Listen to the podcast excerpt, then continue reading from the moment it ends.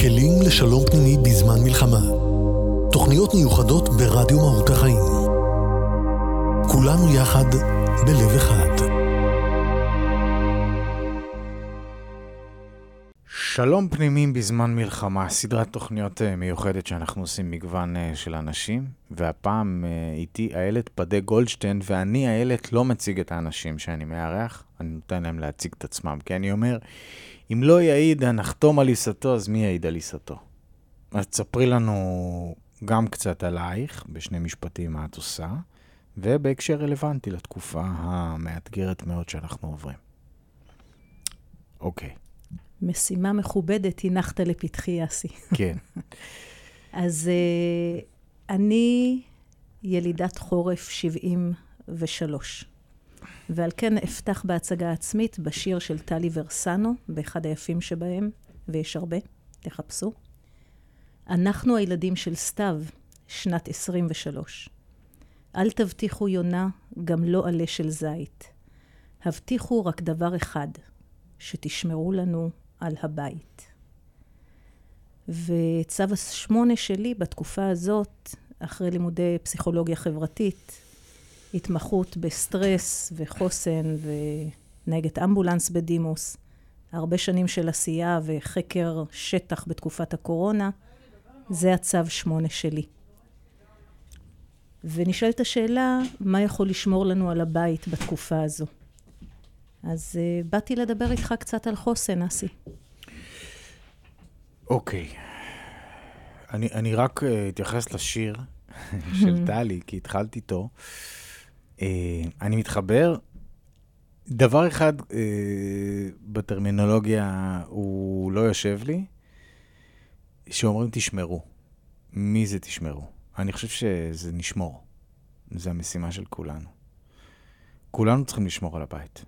גם על הבפנים, גם על האחדות, גם על החוסן. יש לנו אחריות לשיח, יש לנו אחריות לעוצמה של החברה הזאת, ויש לנו גם אחריות במובנים היותר אה, ביטחוניים, צבאיים. אחד הדברים שאני מוכרח שהיה, לומר שהיה לי קשה בשנים האחרונות זה שהייתי מדבר עם המון אנשים, והם כל הזמן אומרים שהילדים שלהם יש פטור מהצבא. הייתי אומר, תגידו, מי, מי ישמור על הבית? מי ישמור על הבית? אנחנו, אם אנחנו לא נשמור על הבית, מי ישמור על הבית? ואנחנו רואים שאחד הדברים שאנחנו מבינים בתקופה האחרונה הוא שהצבא מאוד הצטמצם, והולכים להגדיל אותו חזרה. אז אולי זאת אמת כואבת לכולנו, שאנחנו צריכים עדיין להיות עם החרב, אבל כנראה שהחיים תמיד זה גם וגם. זה עלה של זית ביד אחת וחרב ביד השנייה, לפחות במציאות שאנחנו נמצאים. אני מסתכל על זה ברובד ה... הכי ריאליסטי, ואני אוהב להסתכל למציאות בעיניים. ולכן אני אומר בהקשר של השיר שנכון, אנחנו היום רוצים לשמור על הבית, אבל לשמור על הבית, גם במובן הפיזי, הרוחני, ובכל מובן שהוא, זאת משימה של כולנו. אף אחד לא יעשה את זה בשבילנו. זה אנחנו, כולנו, בבית, וצריכים לשמור עליו. אתה נוגע בנקודה כל כך משמעותית, שככה בראש שלי עפים מלא בלונים, ואני לא יודעת באיזה אחד מהם לאחוז קודם. אז אני אתחיל אולי בחשוב מכל, כרגע, ב... בנקודה אולי אחת הכואבות. אני פה אצלכם באולפנים החדשים, היפהפיים, ואי אפשר להגיע אליכם בלי לעבור בכיכר, להשתתף ולנחם את משפחות החטופים. וזו לא פעם ראשונה שאני מגיעה לשם, אבל אני חייבת להודות שלקח לי זמן. ואפרופו אחריות, מי ישמור על הבית, מה האחריות שלנו, שאלתי את עצמי איך אני אסי, כמי שיודעת להסתכל לאמת בעיניים. יועצת ארגונית שמלווה מנהלים בכירים, שותפים, עוזרת לאנשים לצלוח אה, אתגרים לא פשוטים בחיים שלהם. איך לי זה לקח זמן? אני מומחית בטראומה, מומחית בחוסן. הייתי נהגת אמבולנס הרבה שנים. ראיתי דבר או שניים. ואז היה איזה פוסט שקראתי שניער אותי, מתרדמתי. אישה תל אביבית, אימא מהקהילה, כתבה שהגיעה לעשות קבלת שבת עם המשפחות, והלב שלה נמחץ, כי היא שמעה משפט שהיא יודעת שהוא לא נכון, ועדיין הוא כל כך כואב. היא שמעה משפט שהם מרגישים שתל אביב חזרה לחייה ושכחו אותם. והיא כתבה לנו, התל אביבים, אני יודעת כמה זה לא נכון, אני יודעת כמה כולכם עסוקים בעשייה, מתנדבים ללא לאות. הנה, אני, כל מה שאני עושה זה התנדבויות אחת אחרי השנייה בדיורים מוגנים, צוותים טיפוליים, מנהלים, צעירים שחברים שלהם היו במסיבה, מה לא. אבל המעגל הזה של משפחות החטופים, יש משהו שלקח לי זמן להגיע. ומאותו פוסט הבנתי קודם כל שאני לא יכולה להמשיך לא להגיע. ופשוט הגעתי. הגעתי ועזרתי עוז לשים יד על כתף ולשאול מה יעזור. והדבר הראשון ששמעתי זה לא צריך כלום. ותקשיב, אני כתבתי בקבוצות, הגעתי עם מגשים של אוכל, ובאה איתי עוד חברה בקהילה, כי הביחד עושה את זה יותר קל לבוא. ביחד הוא מקור החוסן שלנו. זה גם מה שאגב הביחד של העם המדהים הזה, שכנראה ישמור עלינו, על רובנו, מפני פוסט-טראומה. תחושת הביחד וההתארגנות הנפלאה של העם. אז באתי ביחד עם מטעמים ששכנים עשו, ועם עוד חברה. והם אמרו, לא צריך כלום, רק תבואו שנראה אתכם. והמשפט הזה כל כך עזר לבעל עסק שביקרתי אותו, שאמר, אני לא הולך כי אני לא יודע מה להגיד, אני לא מיומן כמוך. אין לי, השפה היא לא הכלי שלי. ואמרתי לו, לא צריך להגיד כלום, רק להיות. וזה אפשר לו ללכת. והיום, כשבאתי פעם נוספת ושאלתי מה יעזור, אז אמרו לי, זה חשוב שאתם פה, זה חשוב שאתם מגיעים, זה מחזק אותנו. אבל חשוב גם שהקול שלכם יגיע למקבלי ההחלטות. שירגישו את הביחד הזה, שברור לכולם שהחטופים כולם צריכים לחזור הביתה. כולם. Mm-hmm. במקרה דיברתי היום עם משפחה שהם לא המשפחה, כי המשפחה איננה. Mm-hmm. ונמצאים שם חברים של המשפחה שמייצגים חטוף שהוא בן 38. הוא לא ילד, הוא לא קשיש, הם מקווים מאוד שהוא לא חולה, אבל הם רוצים אותו בבית עכשיו. והם שם מדברים ונוכחים בשם ההורים שלו שלא יכולים לדבר יותר. אז אה, בואו נפתח בתפילה mm-hmm. ובבקשה שיחזרו כולם, וכמה שיותר מהר. כן. אה, זה... חלק מהעניין הוא שזה זה כאילו הברור מאליו שכולם רוצים, אבל המרחק בין ברור מאליו לזה באמת שאנשים יכולים פתאום להרגיש שזה שקוף וזה עובר ליד אנשים, וזה כבר, אה, את יודעת, כאילו זה הופך להיות איזה חלק מאיזה שגרה שיש כל כך הרבה חטופים אה, שם. אה, כן, זו סיטואציה מאוד מאוד מורכבת. זה החשש, אסי, שנתרגל. כי הסתגלתנות שלנו כבני, כבני אדם זה מקור החוסן שלנו, mm-hmm. אבל זו גם הסכנה. ועבור החוסן של המשפחות, היכולת שלנו רק להגיע. פשוט להגיע, לא צריך להגיד כלום, לא צריך לדבר. פשוט להגיע. מי שרוצה וקל לו לאפות, רוצה להביא משהו, אדרבה. אבל עצם הנוכחות מחזקת ושומרת את החוסן שלהם, כי הם יצטרכו הרבה כוח, הם צריכים הרבה כוח, והם יצטרכו כוח לכשהבנים ישובו. כן. טוב. תראי, סדרת התוכניות הזאת נותנת לאנשים פרספקטיבה, ידע וכלים אה, כשם קוד לשלום פנימי. זאת אומרת, איך מול מה שסוער בחוץ אנחנו יכולים לחזק יותר את עצמנו מבפנים. אה, כמו האג'נדה של המקום הזה שאנחנו נמצאים כאן, אה, אה, בו, רדיו מהות החיים. ובכל תוכנית באמת אני מדבר עם אנשים שנותנים מגוון של זוויות. ואת לנוכח באמת הרזומה וההתעסקות שלך, אולי רגע נסביר שנייה, הרי ברור לכולנו שאנחנו כרגע בתקופה שהיא טראומטית. איך את בכלל מסתכלת על הדבר הזה שנקרא טראומה? זאת אומרת, מהזווית שלך. זו שאלה שקל מאוד להסביר אותה. Mm-hmm. טראומה למעשה מחלקת את החיים שלנו, איך היינו עד לאירוע ואיך שאנחנו מהאירוע. איזשהו אירוע מכונן שמשנה משהו במי שאנחנו, באיך שאנחנו חושבים או תופסים את המציאות, באיך שאנחנו מתנהלים.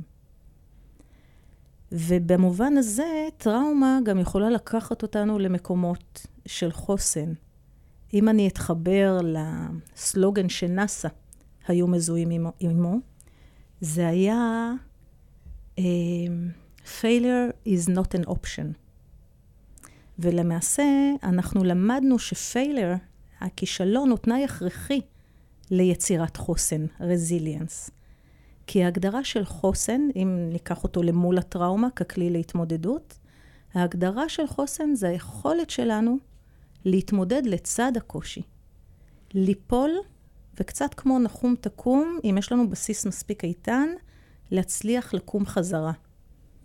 אם אני אמשיל את זה לתיאור טבע, שריפת, השריפה ביערות הכרמל, שהייתה כל כך טראומטית, אפרופו טראומה, מי שהיה שם לאחרונה הוא ראה תמונות, איך הכל פורח.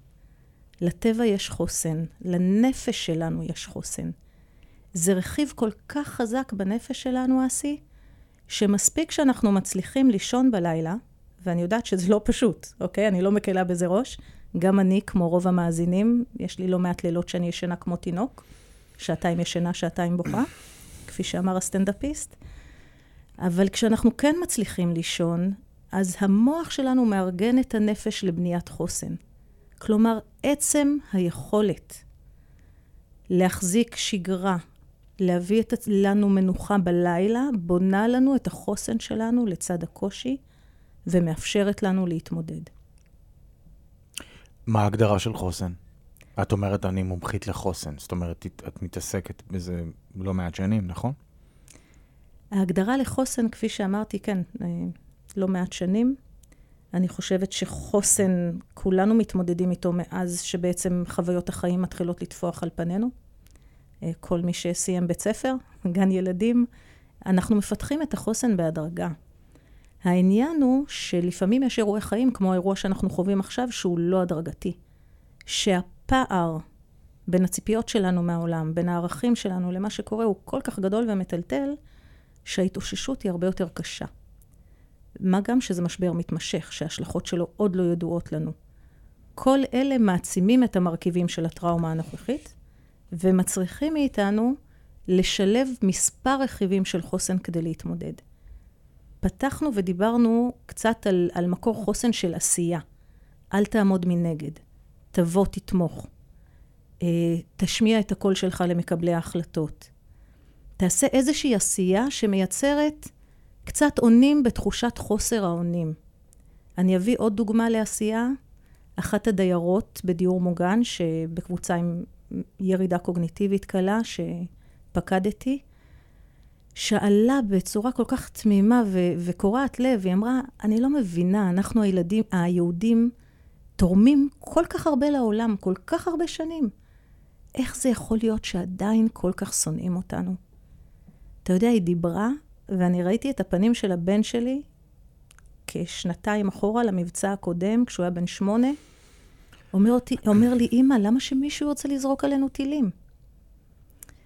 אז השאלה הזאת, לקחתי אותה, כי, כי מכל הכלים שיש לי מחוסן מהעבר, אני מפגישה אותם עם החוויות של האנשים בשטח, ואז פשוט חשבתי על זה שנכון, אין לנו שליטה על כל השנאה שיש בחלקים גדולים בעולם. אבל יש לנו יכולת לזהות שליטה באזורים הקרובים אלינו ולנסות למגר אותה.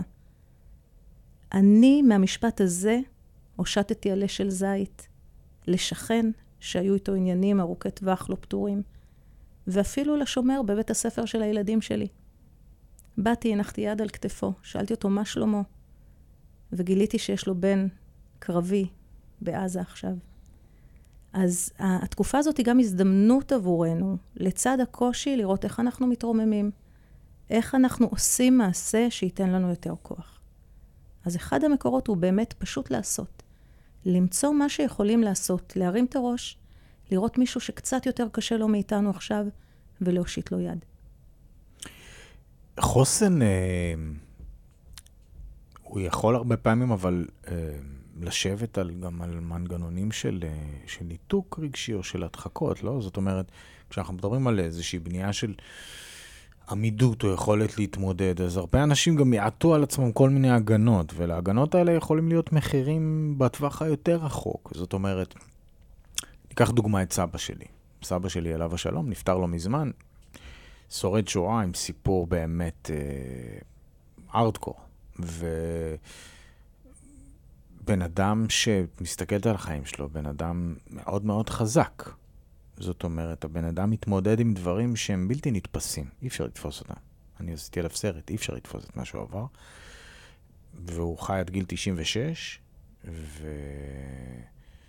ואז אני שואל, ההתמודדות שלו זה חוסן, או שאת יודעת, שנים הוא לא היה מוכן, הוא לא, עד גיל 90 הוא לא היה מוכן לשתף אותי מילה. יותר מזה, הוא אמר לי פעם אחת, אסי, עזוב, זה לא היה. זה לא היה. זאת אומרת, לא הייתה שם יכולת להתמודד. הייתה שם הדחקה, אבל זה מה שעזר לו. מי אני בכלל שאני יכול להגיד על זה משהו? אם זה מה שעזר לו לשרוד ולחיות את החיים האלה. אבל היה לזה מחירים. כשלא מדברים, זה כאילו לא מדברים, אבל זה הכי נוכח. את מבינה מה אני אומר. זאת אומרת, זה דור שני, ו- ואני דור שלישי, וזה עובר. איך אומרים? עד שלא פותחים ולא מטפלים בדברים, הם לא נעלמים, הם, הם הכי הובים אפילו בשתיקה. אני נושא עימי את צער השתיקה, כן? עכשיו, אני רגע הלכתי, כן, אה, לשואה, אבל אני כן מחבר את זה כי יש קווים מסוימים. לראשונה אנחנו יכולים להגיד את זה, אגב, שיש איזה קווים שהם דומים ב, בתחושות, ב, מהזוועות ועד העמידה הזאת, פעורת הפה, שאתה לא מאמין שיש דברים כאלה שיכולים לקרות. ואז אני שואל, מה בין חוסן לבין, או, ש, או שזה גם חוסן, אני לא יודע, אני שואל אותך רגע לעשות לנו קצת סדר. מתי אנחנו יכולים ללכת לאיבוד בתוך uh, מנגנונים של uh, הדחקה, או שמתמודדים, או שבכלל, האם אפשר, כי, כי את יודעת, לכל אחד פשוט יש את הדרך שלו להתמודד. האם הכל לגיטימי, האם כל דבר בזמן שלו? איך סתם, איך את קצת מסתכלת על הנושא הזה? וואו, אסי. כמה זמן יש לנו? כמה שבועות? לא יותר מדי, אבל אני, אני אגע, אני אגע. מקסימום עוד נעשה עוד תוכניות שגם ירחיבו על זה יותר. אתה, כרגע אתה, אנחנו עושים משהו כזה מבואי על קצה המזלג. אתה נוגע בנקודות כל כך משמעותיות, ואני אנסה להתייחס אליהן במספר רבדים. קודם כל, כשאני פוגשת מנהלים בתקופה הזאת, אחת הדאגות הכי גדולות שלהם, זה באמת, מה, מה מצופה מאיתנו לעשות שיחות, להקשיב לעובדים, מצד אחד חשש מאוד גדול מפני הצפה רגשית, אם פתאום אנשים יפתחו את סגור ליבם והם אומרים, אנחנו לא מטפלים, אנחנו לא מוסמכים. אז קודם כל, להם אני אומרת, אתם לא אמורים לטפל. אתם מנהיגים, ולכך יש ערך טיפולי רב. כלומר, די בזה שיש מישהו שיכול להקשיב, שבאמת אכפת לו, ושהוא יכול לסגל את הכלים הרגילים שלו של מנהיגות, שלפעמים זה יכול לתת פורקן לאנשים שאין להם מקום אחר. כי בבית הם צריכים להיות חזקים, במעגלים החברתיים הם צריכים להיות חזקים. מנגד, חשוב מאוד מאוד לדעת שאסור לדובב. גם כשאני מנחה היום סדנאות חוסן, ואני עושה הרבה התנדבויות, גם כשאני מנחה, אני לעולם לא מדובבת. כי באמת יש אנשים שכרגע, מה ששומר עליהם, החוסן ששומר עליהם, זה, כפי שאמרתי מקודם, כוח העשייה, לא לפתוח את זה, לא לגעת בדברים האלה, אלא פשוט להמשיך לעשות, לקום בבוקר, לייצר איזושהי שגרה, כי זה כבד להם מדי כרגע להתמודד עם זה. ואז רק חשוב לדעת באמת שמתישהו כל בן אדם חשוב שידע להנגיש לעצמו את היכולת לפרוק את מה שהוא עובר. יש היום המון גופים שמגישים עזרה. לפעמים אתה צריך רק חבר טוב, או מישהו שיש לו את מיומנויות ההקשבה, אבל זה כל כך חשוב, כי אם דיברנו על דימויים מהטבע, זה קצת כמו להיאבק במערבולת. רובנו יודעים, ומי שלא, זו הזדמנות להגיד, למרות שפחות אנשים פוקדים את הים היום, שאם אנחנו בים נקלעים למערבולת, אנחנו צריכים להתנגד לנטייה הטבעית שלנו להתנגד למערבולת ולהיאבק בה, כי המערבולת חזקה מאיתנו. ואם נשקיע את כל הכוחות בלנסות לנצח את המערבולת, אנחנו נוטש ובסוף נטבע. לעומת זאת, אם ניקח הרבה אוויר, ונאפשר למערבולת לסחוף אותנו למטה, בקרקעית הכוח של המערבולת נחלש, ומשם נוכל להיחלץ, כי שמרנו את הכוחות. והרגש שלנו הוא מאוד משול לדבר הזה, בייחוד כשהוא מציף. הוא כמו גל.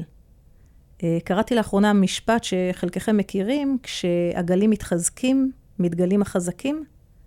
אז אני רוצה להגיד שהחזקים באמת הם אלה שיודעים לצלול עם הגל של הרגש. לאפשר לו, כשהרגש קיים, כשהוא מציף אותנו, גם אם זה נגד הנטייה הטבעית, גם אם זה נורא מפחיד, תסמכו על הנפש שלכם, שהיא תדע להכיל את זה, אלא אם כן יש טראומות רציניות קודמות שמתעוררות עכשיו, ואז מאוד חשוב לפנות לעזרה מקצועית. הנפש שלנו תדע להכיל את הצלילה הזאתי, ואז בקרקעית הכוח של המערבולת ישכח, ואנחנו נוכל לעלות למעלה, ואז החזקים מתגלים. כי להיאבק ברגשות, להדחיק אותם לפרק זמן שזה overwhelming, זה טוב לחלק מהאנשים.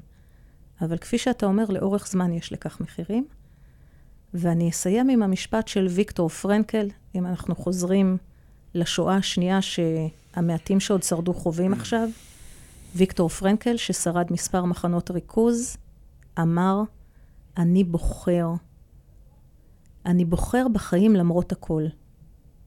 ככל שנצליח לסגל לעצמנו יכולת בחירה, לאפשר לאנשים שלנו בחירה, גם, גם בדברים קטנים, אנחנו נחזיר לעצמנו לאט לאט את השליטה שאיבדנו, לאט לאט איים של ביטחון ומסוגלות, ושכל אחד יבחר מה נכון לו עכשיו, אבל מתוך התבוננות. נכון לי עכשיו לא להתמודד עם הרגשות האלה, לתפקד. נכון לי עכשיו כן לצלול לדבר הזה, ומעבודה, ואני פוגשת גם עובדים שאומרים, אני עובד חיוני, אבל אני לא מסוגל. אני מקנא באלה שעצרו את פרנסתם, בעצמאים שיכולים להיות עכשיו בבית עם המשפחות שלהם, כשאני שומעת את הצד השני והם בחרדה כרגע של פרנסה.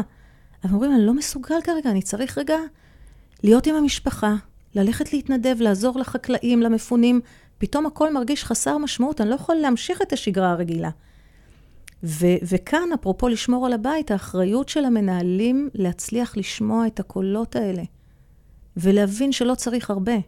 הרבה פעמים אנחנו מרגישים שיתוק, כמו שאמרתי, לבוא לתמוך במשפחות, אנחנו מרגישים שיתוק, כי אנחנו מרגישים שאין לנו כלים, אבל לא צריך הרבה. לפעמים רק להקשיב לעובד, לתסכול הזה שהוא חווה, יכול לאושש אותו. לפעמים נמצא פתרון של לגייס איזושהי התנדבות מטעם הארגון שהוא יוכל לקחת בה חלק או להרים אותה, כדי שהוא ירגיש שהוא עושה משהו משמעותי. וצוותים מאוד מעריכים ארגונים שתורמים היום למי שנפגעו, וזה מחזק את השייכות. אז בואו בוא נראה מה אנחנו יכולים לעשות אם אני צריך אה, להיפרד מספק, וגם אני קיבלתי שיחת טלפון כזו מלקוח מרכזי שלי, לקוח מאוד רגיש, מאוד אכפתי, עשייה מאוד פורה, אבל ברגע של הישרדות, ברגע של טראומה, השיחה לא הייתה קלה. היה שם רגע של פגיעה אפילו בחוסן שלי. ואני אומרת, אם אנחנו יכולים אפילו רגע אחרי, כי התגובות הראשוניות שלנו, כל תגובה היא תגובה נורמלית למצב לא נורמלי. אם אנחנו יכולים רגע אחרי להרים טלפון, להתעניין מה שלום הספק, שנאלצנו להפסיק אותו כרגע, כי אנחנו חייבים להתייעל, חייבים לקבל החלטות ולא להתנהל. אבל בואו נרים אליו טלפון אחר כך, נראה מה שלמה. נראה שהוא הצליח לקום על הרגליים כמוני בזכות התנדבות ועשייה, שבתורה לאט לאט מניבה חזרה ניצנים של, אה, של עבודה, ותודה לכל הלקוחות שמכירים בצורך של העובדים. אבל בואו נרים טלפון, לפעמים רק האכפתיות הזאת, גם אם אין לי איך לעזור לו פרקטית, היא ההבדל שבין הניכור והבדידות למה שיכול לתת לו כוח לקום וליזום ולהמציא את עצמו כרגע מחדש. מעניין מה שאת אומרת. את בעבודתך בעיקר עובדת עם uh, מנהלים. עם uh, ארגונים, mm-hmm. שותפים, סטארט-אפיסטים, מנהלים. ואת מבחינה, בלי כמובן לנקוט בשמות, בארגונים שמצליחים היום להתמודד עם הדברים בצורה לא יודע אם טוב או לא טוב, לא יודע אם זאת הטרמינולוגיה, אבל בצורה שהיא, שהם מיישמים יותר את העקרונות שאת מדברת עליהם, ביכולת לראות את הפרט ואת הכלל, ו... ולהיות ערים ומודעים uh, למצב, כי אני מניח שאתה יודע, כשיש מצוקה, אז כולם במצוקה, גם המנהלים עובדי עצות וחסרי אונים, בטח במצב משברי כזה. אז את, את אומרת ש, שאת עובדת עם כל מיני, ו... א', האם את מרגישה באמת שיש כאלה שאת מרגישה ש, שעושים את העבודה כמו שצריך, שאת רואה אותם דואגים אה, מהמקום הזה שאת מדברת עליו? והאם הם גם פתוחים, אה, גם אלה שלא, את מרגישה פתיחות, הקשבה בשיח הזה? זאת אומרת, את מרגישה ש, שאנשים צמאים גם ל, ל, לכלים, לידע? אז השאלה, אני זורקת אותי אחורה. שמעתי משפט יפה שכשטראומה פוגשת אותך, היא פוגשת טראומות קודמות, ואז זה כמו בבושקה של טראומות כאלה, שמתנפצות על השטיח ורוקדות במחול שדים. והסכנה שאם הטראומות לא טופלו, או אם אנחנו לא ניגשים כעת לטפל בהם, אה, שזה יהיה עוצמתי מאוד, ולכן יש אנשים שיותר קשה להם, וגם ארגונים שיותר קשה להם עכשיו. לעומת זאת, זו גם ההזדמנות. כי הטראומה הזאת לפעמים עבור אנשים היא ההזדמנות להבין שגל הרגש הזה שגואה, אי אפשר להדחיק אותו יותר, וצריך ללכת לטיפול. צריך לעשות מעשה. צריך ללמוד לבקש עזרה. כשאני נתקלת בדורות שלמים של אנשים שחונכו רק לעזור ולא לבקש עזרה. אמ, והשאלה שלך לוקחת אותי רגע לקורונה, כי ברגע שקיבלתי את אותה שיחת טלפון, אמרתי, אוקיי, אז עכשיו גם תהיה כמעט שנה שאני אעבוד 200 אחוז בהתנדבות, בשלח לחמך, ביצירתיות, בלהמציא כלים חדשים, בלחקור מה מתאים למצב כפי שאני עושה כעת, עד שאני אתחיל לראות ניצנים לפירות. אמ, ולמעשה פשוט לא אפשרתי לעצמי לשקוע בזה, אלא יותר נאחזתי בזה שכן, בסוף הצלחתי לבסס את כל הפרקטיקה בחזרה, הרבה יותר חזקה וטובה. ולכן זה נתן לי את הכוח. ראיתי את העוצמות שגייסתי במשבר הקודם, בטראומה הקודמת, והם עזרו לי עכשיו. והדבר שאני ראיתי, ואני פונה באמת להרבה עצמאים שפונים ויש להם מה להציע, אבל הארגונים לא פנויים, להבין שקודם כל צריך נחישות ורגישות. צריך למצוא את הדרך איך להגיע, איך להיות מאוד יעיל, כי הקשב של כולם מאוד מוסך היום. ואני הצלחתי להגיע, אני אציין, לציין שמות או לא לציין שמות? עדיף שלא, נראה לי. עדיף שלא. אז הצלחתי להגיע לדיור מוגן, שבאמת בהתחלה אף אחד לא היה פנוי, השארתי כמה הודעות. והתגובה הראשונית שלי הייתה, מה, לא אכפת להם? לא אכפת להם ממה שקורה עם הדיירים? לא אכפת להם מהצוות? הם פשוט לא היו פנויים לקבל את ההודעות. אז פשוט הלכתי ופגשתי אותם בזמן ארוחת הצהריים. ובשני משפטים הצלחתי להעביר את הערך, ומהר מאוד מצאתי את עצמי מהרצאה שרציתי להעביר בהתנדבות, כי פגשתי כמה אנשים מבוגרים שחווים שואה שנייה. פגשתי את עצמי מעבירה שלוש סדנאות, ומחר אני מגיעה להעביר סדנה באנגלית, שזה כל מה שאני עושה מאז to, to polish my English, כי יש גם דוברי אנגלית שביקשו. ואז הגעתי גם לצוות שלהם, כי זה, זה פשוט נהיה כמו גל, וההתנדבות הפכה להיות עבודה. אז, אז הצוות גם באמת אמרו שהם מרגישים כמה הצורך של הדיירים גדול. מגיעים יותר לטיפולים רפואיים. הם, הם מרגישים את זה, אבל הם בעצמם, א', עוד מותשים מהקורונה. הם רק עכשיו התחילו לקום מהמשבר ההוא, ויותר מזה, לכולם יש ילדים מגויסים, נכדים מגויסים, הם מקורבים למעגלי הכאב, הם אומרים, אנחנו, העצבים שלנו כל כך חשופים, אנחנו לא מסוגלים לענות את, על הצורך. אז אחת העצות שלי הייתה פה פשוט, קודם כל, עצם זה שאפשרנו לפרוק את זה, ואנשים בוחרים, מעשי. אנשים מדברים והם בוחרים והם פורקים, ואז הם משתפים כמה זה עשה להם טוב רק לשתף. ואחרים שלא שיתפו ורק התבוננו מהצד, מקבלים כוח מעצם השיתוף של אחרים, כי זה מנרמל את החוויה. אתה מבין שאתה לא חייב להיות גיבור, אתה מבין שזה נורמלי מה שעובר עליך. ואני הצעתי אולי לשתף גם קצת את הדיירים. שכשהם מאוד רוצים ו- והרבה פחות סבלניים, כי גם העצבים שלהם חשופים יותר, להבין קודם כל שהכאבים שה- של הדיירים, הם אולי מתפרצים ב- ב- לפעמים בדרכים שנראות קטנוניות או לא מתחשבות, אבל זאת הדרך לפרוק את הכאב שהם חווים. יש עוד שיר יפה על זה שאני אחפש אותו אולי לסיום, אבל גם לשתף, להגיד, אני רואה שקשה לך, וגם לי קשה עכשיו. בואו ננסה ביחד לראות איך אנחנו מוצאים לזה פתרון. טוב, אה, אנחנו באמת מתקרבים לסיום השיחה המאוד אה, על קצה המזלג הזאת. בטח נעשה דברים בהמשך שהם יהיו יותר לעומק. היה לי חשוב שנעשה באמת משהו בתקופה הזאת. אני נוהג לסיים אה, תוכניות בצידה לדרך. את יכולה את השיר, ואת יכולה גם לתת לנו אולי דבר אחד שהיית אומרת לכל אחד שמקשיב למשהו שיכול להיות גנרי כזה, נכון לכולם. יש לפעמים דברים כאלה, שיכול לעזור לנו להתמודד, אולי עוזר לך, משהו, להשאיר אותנו עם משהו. לקחנו, היו כל מיני דברים בשיחה הזאת, אבל אם יש לך עוד משהו שאת רוצה להוסיף, אני אשמח, ואת יכולה גם להשאיר אותנו עם השיר, לבחירתך.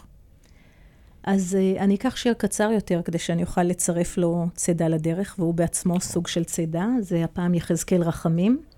הנה אני קם ועולה מהבוץ, הנה אני הולך ומאבד את שפיפותי.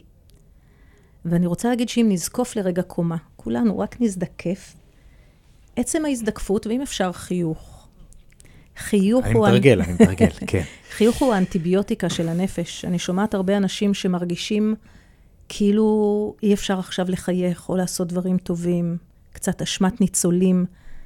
ואני רוצה להגיד לכם, זו חובה עלינו לאושש את הנפש בין רגע של התמודדות אחד למשנהו, להזדקף, לנשום עמוק, לחייך.